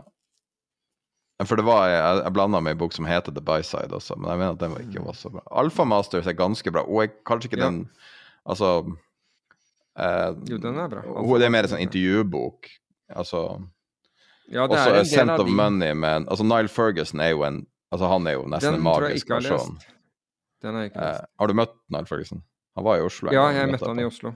Faen, han er litt uh, han, er litt sånn superstjerne. Mm. Når du Og han eh, som forfatter er han jo bare helt sensasjonell. Jeg, jeg, har ikke lest uh, Jeg har ikke lest boken hans, må jeg innrømme. Jeg mener husk at du liker The Hour Between Dog and Wolf ganske godt også. Ja, den er veldig bra, for den, den snakker jo bl.a. om, uh, om atferdspsykologi og den psykologien som påvirker deg når du, sitter og, når du er under stress og sitter og handler og, og den type ting. Nøyaktig hva som skjer. Uh, kortisolproduksjonen din forteller hva, hva, de forskjellige tingene, adrenalin, noradrenalin, hva, hva det gjør da med deg. Den mest leste boka på lista er vel 'Intelligent Investor' av Benjamin Graham. Det er jo uh, mentoren til Warren Buffett. Jeg tror ikke jeg har den, men jeg kan ikke huske at jeg har lest den ferdig. Det er kjedelig, da. Det er det som er problemet. Det er jo fordi at value investing er jo ikke så Det er jo ikke så mye action i det. LT, LTCM, beste boken om LTCM er i hvert fall When Genius Failed av Roger Løvenstein. Den er dritbra. Black Edge, som handler om Steve Cohen og SAC, av Sheila Kolhaktar, er også dritbra. Også hvis du tenker jeg vet, Den tror jeg ikke du har lest, men When Money Dies. Det handler om eh, eh, Weimar-republikken. Nei, den har jeg ikke lest. Den er dritbra. Okay. Og det er liksom sånn, for å gå i dybden på sånn der, og, og ikke minst eh, Hva heter den? Boy, det ikke Boy Trader, men eh, den om eh, Rart ikke den er på lista. Han eh, Herregud. eh, Livermore. Boka om Jesse, Jesse Livermore. Livermore. Ja. Da fikk, eh, da fikk vi gått gjennom denne bokanbefalinga. Jeg linker til den også, og så hører du jo at eh, hvis du bare leser alle bøkene, så er det litt å lære om, om finans. Det tar litt kortere tid enn du skulle tro, altså. Sounds like a plan. Vi er tilbake neste uke. Ha en fin uke. Imagine the softest sheets you've ever felt. Now imagine them getting even softer over time. That's what you'll feel with Bowl and Branch's organic cotton sheets. In a recent customer survey, 96% replied that Bowl and Branch sheets get softer with every wash. Start getting your best night's sleep in these sheets that get softer and softer for years to come. Try their sheets with a 30-night guarantee. Plus, get 15% off your first order at bowlandbranch.com. Code BUTTERY. Exclusions apply. See site for details.